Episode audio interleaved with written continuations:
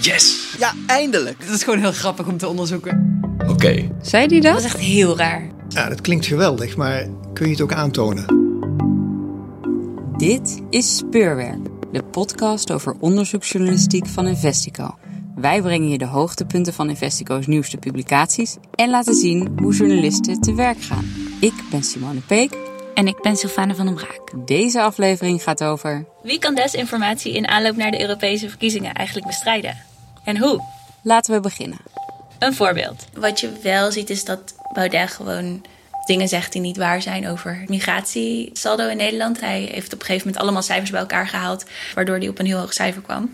Waarbij hij zei: Dit is eh, ongelooflijk veel migratie. Dat was Daphne Dupont-Nivet. Uh, Sylvana, wat heeft de voorman van Forum voor Democratie precies gezegd? Wat Baudet heeft gezegd is dat er in 2017 een record aantal van immigranten werd toegelaten in Nederland, namelijk 235.000. En dat getal op zich is niet onjuist, maar wat interessant is, is de conclusie die hij daaraan verbindt. En dat is namelijk dat Nederland over 50 jaar niet meer de Nederland is zoals wij hem kennen, maar dat het een soort van Egypte is geworden. Um, en wat Baudet daarbij niet noemt, is dat een groot deel van die immigranten waar hij het over heeft, kennismigranten zijn uit India, China en Oost-Europa. En daarnaast noemt hij ook niet het feit dat uh, veel mensen jaarlijks weer emigreren uit Nederland uh, met een migratieachtergrond. Hij gebruikt die cijfers eigenlijk voor politiek gewin of voor een politiek doel in ieder geval. Ja, om zijn standpunt kracht bij te zetten eigenlijk. En um, jij sprak uh, de journalist in het onderzoek. Ja. Jij sprak Daphne. Ja, dat klopt. Ik heb Daphne tijdens dit onderzoek gevolgd en ik heb haar vier keer geïnterviewd. In het begin, in het midden twee keer en aan het eind. Nou, zij kan zichzelf eigenlijk het beste even voorstellen, denk ik. Ik ben Daphne de Bonivet. Ik ben onderzoeksjournalist en ik heb de afgelopen maanden onderzoek gedaan naar de bestrijding van desinformatie in aanloop naar de Europese verkiezingen van eind mei 2019. Hele mond vol. Zeker. Um, nee, wat is desinformatie? Het is denk ik het makkelijkst uit te leggen uh, als je het opdeelt in verschillende categorieën. Um, iedereen heeft altijd over fake news of nepnieuws. En uh, dat zijn eigenlijk losse berichten die niet waar zijn. Maar uh, onderzoekers of wetenschappers die hier veel mee bezig zijn, die gebruiken die term eigenlijk niet, omdat het een beetje beperkt is. En die wetenschappers zeggen ook, als iedereen die term gebruikt, dan gelooft niemand meer dat er iets van een waarheid is. Dus waar zij naar kijken is desinformatie. En dat is eigenlijk uh, iets breder dan fake news, omdat het niet alleen gaat om het onjuiste bericht, maar ook om de verspreiding ervan. En om de netwerken erachter en de invloed van de mensen die het verspreiden. Het kan een politicus op Twitter zijn die veel volgers heeft, maar ook een, een columnist. Of uh, je hebt uh, YouTube-sterren die heel veel volgers hebben. We hebben het dus over desinformatie. De verspreiding van informatie die niet klopt, met soms een politieke of commerciële agenda. Pas als deze berichten worden opgepikt en verspreid door iemand met een machtige stem, kunnen ze grote gevolgen hebben. Deze berichten zijn in dit onderzoek op te delen in twee categorieën: interne en externe desinformatie externe desinformatie is bijvoorbeeld verspreid door Rusland of door Russische trollenfabrieken. Maar dat gaat dus bijvoorbeeld om manieren waarop Rusland probeert verkiezingen te beïnvloeden in Amerika of in Europa. En interne desinformatie gaat veel meer over mensen die op fora zitten of op netwerken waar ze in besloten groepjes eigenlijk informatie delen die niet waar is. Heel vaak wel aan de extreemrechtse kant. En heel veel complotdenkers uh, zitten daar ook tussen. En ook die informatie kan dan via die gesloten groepen, via dus zo'n influencer bijvoorbeeld, op een uh, platform als Twitter of Facebook terechtkomen, waar het dan opeens veel meer volgers kan krijgen en ook echt invloed kan gaan krijgen. Nederland richt zich vooral op externe desinformatie. Desinformatie van buiten de landsgrenzen. Experts hebben daar kritiek op. Daphne interviewt Peter Burger, docent bij de Universiteit Leiden en oprichter van Nieuwscheckers. Hij zegt dat interne desinformatie in Nederland meer aandacht verdient dan het nu krijgt. Ja, wat, wat ik vind dat is dat al dat gepraat over uh, Russische trollen en Russische desinformatie en de trollfabriek in Sint-Petersburg, uh, dat, is, dat is interessant en dat is belangrijk, maar uiteindelijk hebben we daar in Nederland de afgelopen jaren niet zoveel van gezien. Oké, okay, en, en waarom ligt daar dan zoveel nadruk op? Nou, ik denk dat voor een deel um, omdat het potentieel gevaarlijk is. Oh ja. um, he, dus het is inderdaad mogelijk en ik denk ook dat we ons daar zorgen over moeten maken en maatregelen tegen moeten nemen. Um, Maar ja, dat, dat zijn, ja, het zijn bijzondere gebeurtenissen. Ze zijn al niet voorgevallen in Nederland. Ehm, en wat al die verhalen negeren, dat is dat er ook in Nederland op sociale media door politici berichten worden verspreid die echt totaal niet kloppen. En is dat dan waar we meer op zouden moeten letten?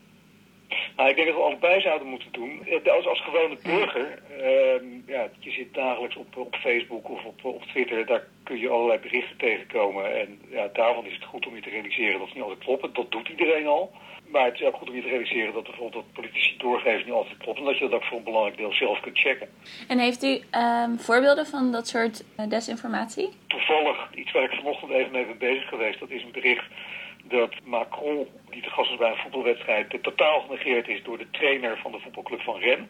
En inderdaad, er zit een filmpje bij en dan zie je die trainer zo voorbij lopen aan Macron. Dat is onzin. Hij had namelijk Macron net vlak daarvoor een hand gegeven. Dat heeft die voetbalclub bevestigd. En dat is ook op een ander filmpje te zien. Ja, dat komt dan in omloop in de sfeer van de aanhangers van de gele hesjes in Frankrijk. Het komt ook in Nederland terecht. Het wordt uh, geretweet door een, uh, een PVV-politicus. Uh, dat is zo'n voorbeeld van zo'n uh, zo'n misleidend bericht. U kijkt dan veel naar uh, politici die op Twitter misleidende berichten of onjuiste berichten tweeten. Ja. Zit er een bepaalde lijn in of ziet u het vaak bij bepaalde politici of is er niet echt een lijn uit te halen? Nou, het, het, het, soort berichten waar ik me mee bezig hou op Twitter zit er inderdaad een hele duidelijke lijn in. kijk, het, het, allermakkelijkste dat is om van een foto of van een video te zeggen dat er iets anders op gebeurt dan wat er eigenlijk op gebeurt. Hè? Dus je hebt een, een filmpje uit bijvoorbeeld uh, Algiers, een geval van vorige week.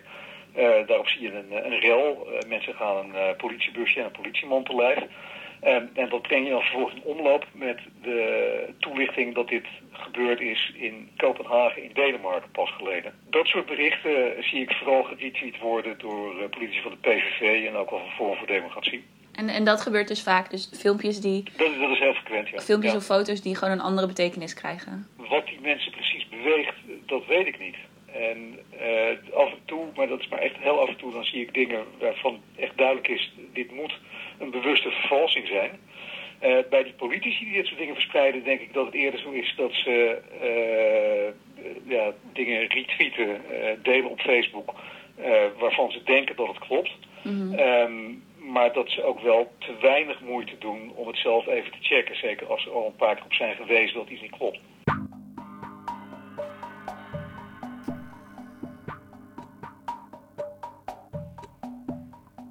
Maar hoe werkt het in andere landen? Ook daar zijn journalisten bezig dit fenomeen te doorgronden. Daphne sluit zich tijdens het onderzoek aan bij Europees journalistencollectief Investigate Europe. Zij zijn dus met z'n, met z'n tienen ongeveer en doen steeds met z'n allen onderzoek naar onderwerpen in Europa. Kijken dan wat is het gemeenschappelijke probleem, wat is er verschillend per land. Um, en dat is heel goed en nuttig, maar ook wel chaotisch. Want je ziet dus dat er journalisten zijn uit allemaal verschillende landen met allemaal verschillende perspectieven en ook wel een beetje cultureel bepaald. Misschien is dat niet altijd uh, het geval, maar hierin is de Duitser dan heel erg geordend en de, de Griek een beetje kritisch en de Italiaanse is echt heel Italiaans. Maar ook wel leuk om heel veel verschillende perspectieven te horen. Ik werd uitgenodigd om uh, op uh, een dinsdagochtend om 10 uur een conference call in te gaan. En ik was wel benieuwd. Ik dacht, ik ga me voorstellen en dan zien we hoe het verder gaat. En het eerste wat ze zeiden is, oké, okay, welcome to the team. dus ik dacht, oké, okay, nou, begint goed. Na een aantal Skype-gesprekken vliegt het hele team journalisten naar Athene. Ze ontmoeten elkaar op de zolder van restaurant Noël, waar het hele jaar door kerstverlichting brandt. Toen ging ik vrijdag naar Athene. Dat was een beetje een, een, internationale week, maar het is ook een internationaal onderzoek. Um, en daar ging ik naartoe om met die groep journalisten af te spreken. We hebben we met z'n allen twee dagen lang de hele tijd het onderwerp doorgesproken. En daar zag je dus dat, dat al die dilemma's en al die verschillende perspectieven weer gewoon op tafel lagen. En uh, er best wel uh, fundamentele discussies kwamen. En eerst kwamen we eigenlijk op het idee om te gaan kijken wat voor soort berichten en wat voor soort narratieven er rondzingen um, in aanloop naar de Europese verkiezingen. Dus niet alleen in Nederland, maar internationaal. Uh, dus wat voor berichten uh, worden er eigenlijk gepost die niet waar zijn? Wat voor narratieven zijn er die misschien uh, invloed kunnen hebben op de verkiezingen?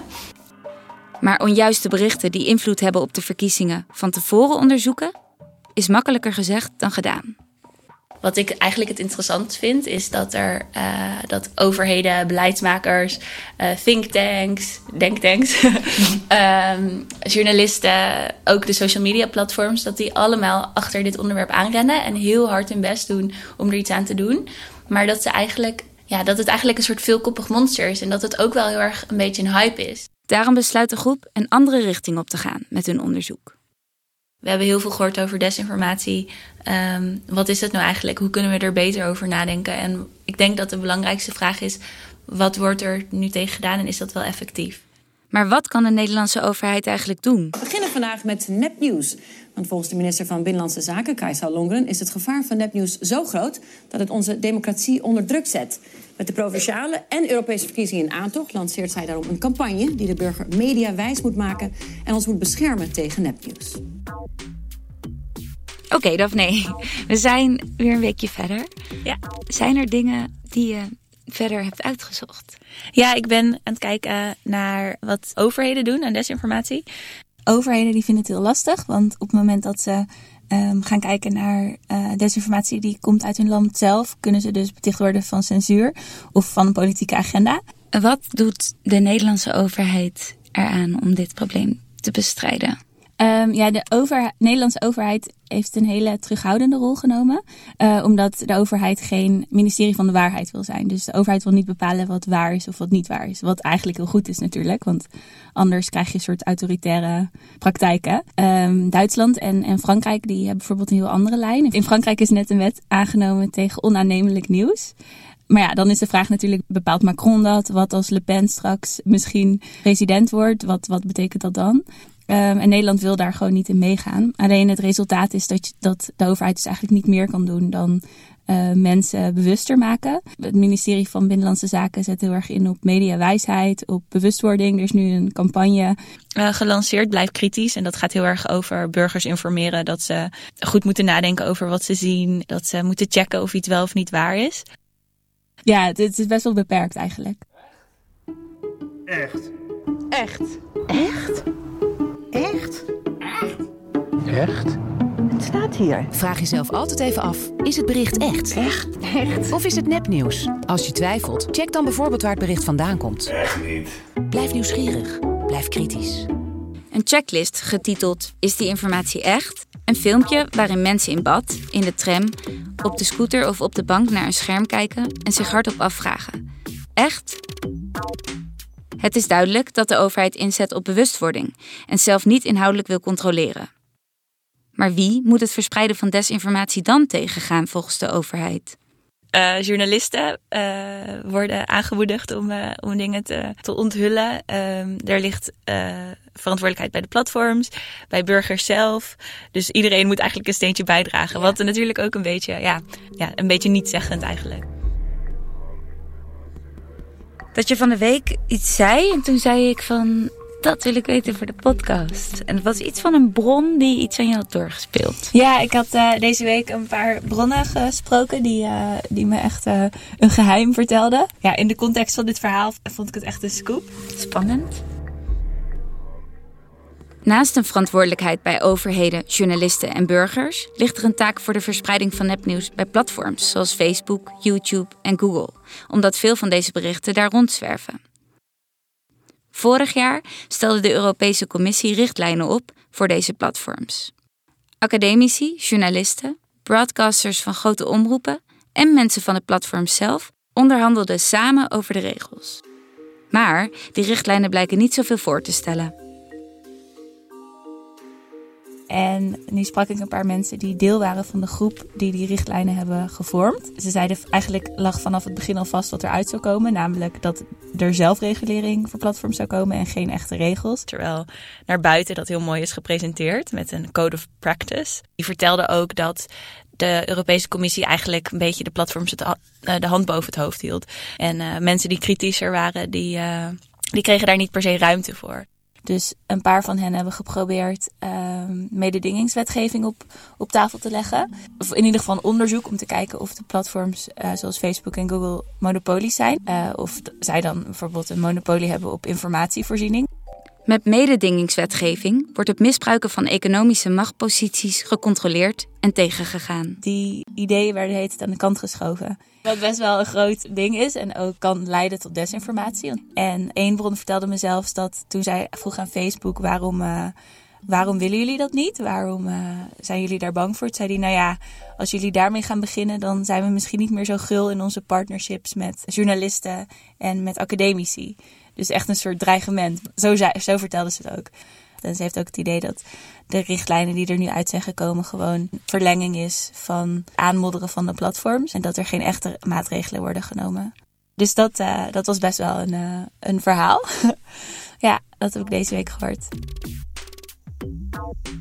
Um, Facebook dreigt dus de samenwerking met journalisten op te zeggen. Ja, dat klopt. Uh, wat bedoelen ze daarmee? Facebook werkt um, samen met 43 fact-check-partners en journalistieke organisaties. die eigenlijk Facebook helpen met bepalen welke berichten echt of nep zijn. Doet Nederland daar ook aan mee? Ja, in Nederland doet bijvoorbeeld nu.nl uh, in samenwerking met Facebook checks op dit soort berichten. Ja. Ja, daar heb ik over gelezen inderdaad. Recent uh, in NRC werd er gezegd dat zij één artikel per dag controleren voor Facebook. Oké, okay, ja. Dat, dat is niet zoveel. Dat is niet veel, nee, dat klopt. En weet je nog meer over de samenwerking in andere landen? Um, ja, Daphne heeft verschillende factcheckers gesproken die dit voor Facebook hebben gedaan. Um, er zijn eigenlijk verschillende dingen uitgekomen. Eén daarvan is dat een factchecker vertelt dat ze per bericht betaald krijgt, uh, die ze checkt. Wat natuurlijk invloed heeft op of je het sneller gaat doen uh, en, en hoe goed je daar dan naar kijkt. En een andere bron die vertelde haar dat um, Facebook eigenlijk toegang geeft tot een tot een bestand, een soort van programma, uh, die vol met berichten zitten. Wat zij moest doen was eigenlijk bepalen, is dit nep of echt? Ze zei het was heel makkelijk werk. Ze wilde graag weten welke berichten zij van Facebook moest controleren. Maar ook welke berichten ze juist niet te zien kregen. En toen ze dat aan Facebook vroeg, toen zeiden ze: nee, daar willen wij geen openheid in geven. Uh, goed, een gebrek aan transparantie vanuit Facebook dus. Sylvana, je hebt Daphne voor de derde keer gesproken, ook juist over deze platforms. Laat maar horen. Hoi. Hi. Hoe is het? Goed. Ja, vertel, want je bent achter allemaal nieuwe dingen gekomen deze week. Uh, ja, nou voornamelijk over wat de platforms wel of niet doen. Wat veel mensen wel zeggen is dat het probleem eigenlijk ligt bij het, het verdienmodel. dus dat de bedrijven um, gewoon goed geld verdienen aan, aan extreme content, omdat dat veel kliks oplevert. En dat ze ook veel geld verdienen aan uh, adverteerders die uh, advertenties willen richten op hele specifieke groepen. Om zo bijvoorbeeld uh, stemmen te winnen. Wat ook is gebeurd bij bijvoorbeeld de Brexit. Zij kunnen eigenlijk ook een stapje verder gaan dan de overheden. Dat is wel interessant. Want overheden die kunnen eigenlijk alleen maar um, zeggen: oké, haatzaaierij is tegen de wet. Dus dat mag je niet doen. Daar mag een overheid tegen optreden. Maar de platforms die zijn niet gebonden aan diezelfde wetten. Dat zie je bijvoorbeeld ook bij wetgeving voor politieke uh, campagnes. Er zijn heel veel wetten in, land, in Europese landen waar politieke partijen zich aan moeten houden als ze campagne voeren. Alleen voor de online platforms zijn die wetten er nog niet. Dus daar is veel meer mogelijk. Ook daarin zie je dat die platforms eigenlijk een hele grote rol spelen. En dat de, de beslissingen over wat krijgen we nou wel te zien, wat krijgen we niet te zien, echt bij hen liggen. Toch lijken platforms zoals Facebook en Google in te zien dat ze een verantwoordelijkheid hebben op het gebied van desinformatie. Facebook huurt dit jaar 30.000 medewerkers in die berichten moeten verwijderen die problematisch zijn, zoals neppe accounts of haatzaaierij. Dit aan de hand van een algoritme waar de medewerkers zelf geen inzicht in hebben. Wat op zich wel interessant is, dat, dat Facebook echt een draai heeft gemaakt. Dat ze eerst zeiden, oké, wij zijn een platform, wij zijn geen mediabedrijf. En sindsdien zeggen ze, nee, wij hebben echt een verantwoordelijkheid. Informatie die niet klopt, wordt niet meer, uh, dat wordt niet meer getoond als dit klopt niet. Maar dat wordt echt een beetje verborgen op je timeline. Zij, zij zijn daar heel trots over en zeggen dan, ja, weet je wel, we uh, plaatsen relevante informatie bovenaan. Maar het is natuurlijk heel erg uh, obscuur, want niemand weet dan eigenlijk wanneer iets wel of niet relevant is. Ja. Dat bepaalt zo'n bedrijf zelf. En ze werken wel samen met factcheckers, maar ook die hebben geen inzicht in het algoritme. Dus die krijgen af en toe een, uh, een foto of een pagina en dan moeten zij bepalen of het waar of niet is. Maar het algoritme, die dus bepalen wat je bovenaan je pagina ziet, dat is een geheim. En dat willen ze ook niet openbaar maken. Dan zeggen ze, dan kunnen slechte actoren daarop inspelen, wat ook een punt is. Dus dan zouden mensen die een bericht publiceren wat echt onzin is, het op die manier kunnen inrichten dat het bovenaan je pagina verschijnt. Ja. Maar het betekent ook dat dus Facebook en Google uh, eigenlijk bepalen wat wij wel en niet zien. En dat, dat zij dus eigenlijk de poortwachters van informatie zijn geworden. Ja. En volgens sommigen is dat gewoon privatisering van censuur, omdat ja, het zijn commerciële bedrijven. Kijk, de platforms zijn natuurlijk niet helemaal evil of zo. Maar wat zij wel, wat zij wel doen is heel veel geld stoppen in partnerships met journalisten, uh, met factcheckers. En sommige mensen zien dat ook als het verspreiden van invloed eigenlijk. Want op die manier ontstaat er natuurlijk wel een soort afhankelijkheidsrelatie. Waardoor mensen misschien niet meer zullen zeggen: oké, we moeten echt kijken naar de, naar de verdienmodellen van die platforms en daar echt onderzoek naar doen. Facebook heeft dus eigenlijk twee verschillende belangen. Aan de ene kant willen ze hun verantwoordelijkheid nemen, omdat ze beseffen dat ze een grote rol spelen op het gebied van desinformatie. Maar aan de andere kant willen ze ook geld verdienen. Dat hebben we aan Facebook gevraagd. Of nee, interviewde Facebook. Van waarom doen jullie dit nu? Want ze hebben heel lang ontkend dat ze echt die rol hebben van de poortwachter van informatie. Ze hebben altijd gezegd: nee, we kijken niet naar de content. Nou, dat is nu echt veranderd. Maar nog steeds zeggen ze: ja, goed, wij zijn natuurlijk geen maatschappelijke organisatie. Maar ze willen wel die verantwoordelijkheid nemen. Alleen als je vraagt, oké, maar hoe zit het dan met jullie verdienmodel? Want eigenlijk doen jullie nu dingen die ook tegen jullie economisch belang ingaan. Want die, die kliks leveren jullie heel veel op. Ja. En daarop zeiden ze, ja, op de lange termijn zien we dat dit ook niet in ons economisch belang is. Want mensen willen minder tijd op het platform doorbrengen als ze alleen maar uh, neppe informatie of clickbait dingen te zien krijgen. De aandelen van Facebook zijn ook gezakt naar aanleiding van kritiek die er is dat ze dus niet stappen ondernamen tegen desinformatie. Maar als platforms wel hun best doen om desinformatie te bestrijden, blijkt de computer dat niet altijd te begrijpen. Dat is wel een leuk voorbeeld. Um, er was natuurlijk deze week de brand uh, Ja. van de Notre Dame. En uh, hier zie je dat de platforms heel erg proberen iets te doen aan desinformatie, maar het ook niet helemaal goed doen. Google is de eigenaar van YouTube. En YouTube had onder een nieuwsfilmpje over de brand in de Notre Dame een informatiebalk geplakt. En er stond in 9-11 attacks. Lees hier meer. Nou ja, goed, dat klopte natuurlijk van geen kanten. Want het, het wekte meteen de, de suggestie dat uh, de Notre Dame brand ook een terroristische aanval was. Er was helemaal geen aanleiding voor. Uh, en YouTube reageerde toen meteen: ja, wij doen nu iets, wij proberen nu iets aan desinformatie te doen.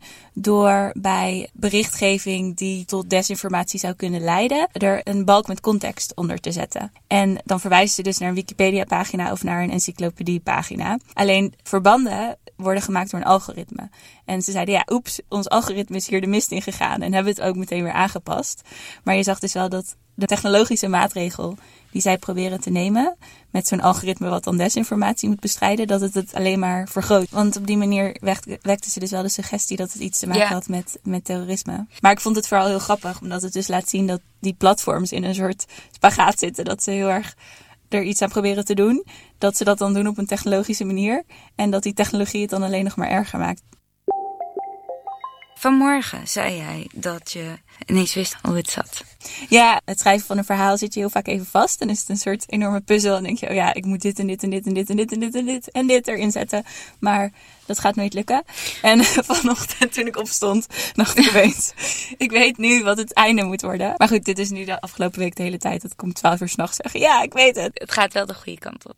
Ja, ik denk het wel. Oké, en je bent nu bijna klaar. Het stuk ehm, is soort van af. Yes. Ehm, laten we het nog even hebben over die dilemma's waar je mee zat te worstelen tijdens dit onderzoek. Ehm, iedereen is hier nu mee bezig. Iedereen van journalistencollectieven, maar ook uh, activistengroepen, wetenschappelijke organisaties. Iedereen doet onderzoek hiernaar. Um, en aan de ene kant is dat heel goed en heel belangrijk, maar aan de andere kant um, blaast het het onderwerp ook een beetje op. Journalisten kunnen desinformatie dus belangrijker laten lijken dan het is. Daphne vertelt over een gesprek met Rebecca Trumbull, politicoloog bij Universiteit Leiden. Trumbull is het met haar eens. En zij zegt ook, ja, we weten nog niet genoeg, maar iedereen probeert het nu te bevechten. We nemen allemaal maatregelen, er wordt heel veel geld in gestopt, ook van de platform zelf. En eigenlijk weten we nog niet precies wat het probleem is. We weten nog niet precies hoeveel invloed er is geweest. Of desinformatie mensen echt in zoverre van gedachten heeft laten veranderen. Tegelijkertijd is wel iedereen hiermee bezig en is iedereen erover aan het schrijven.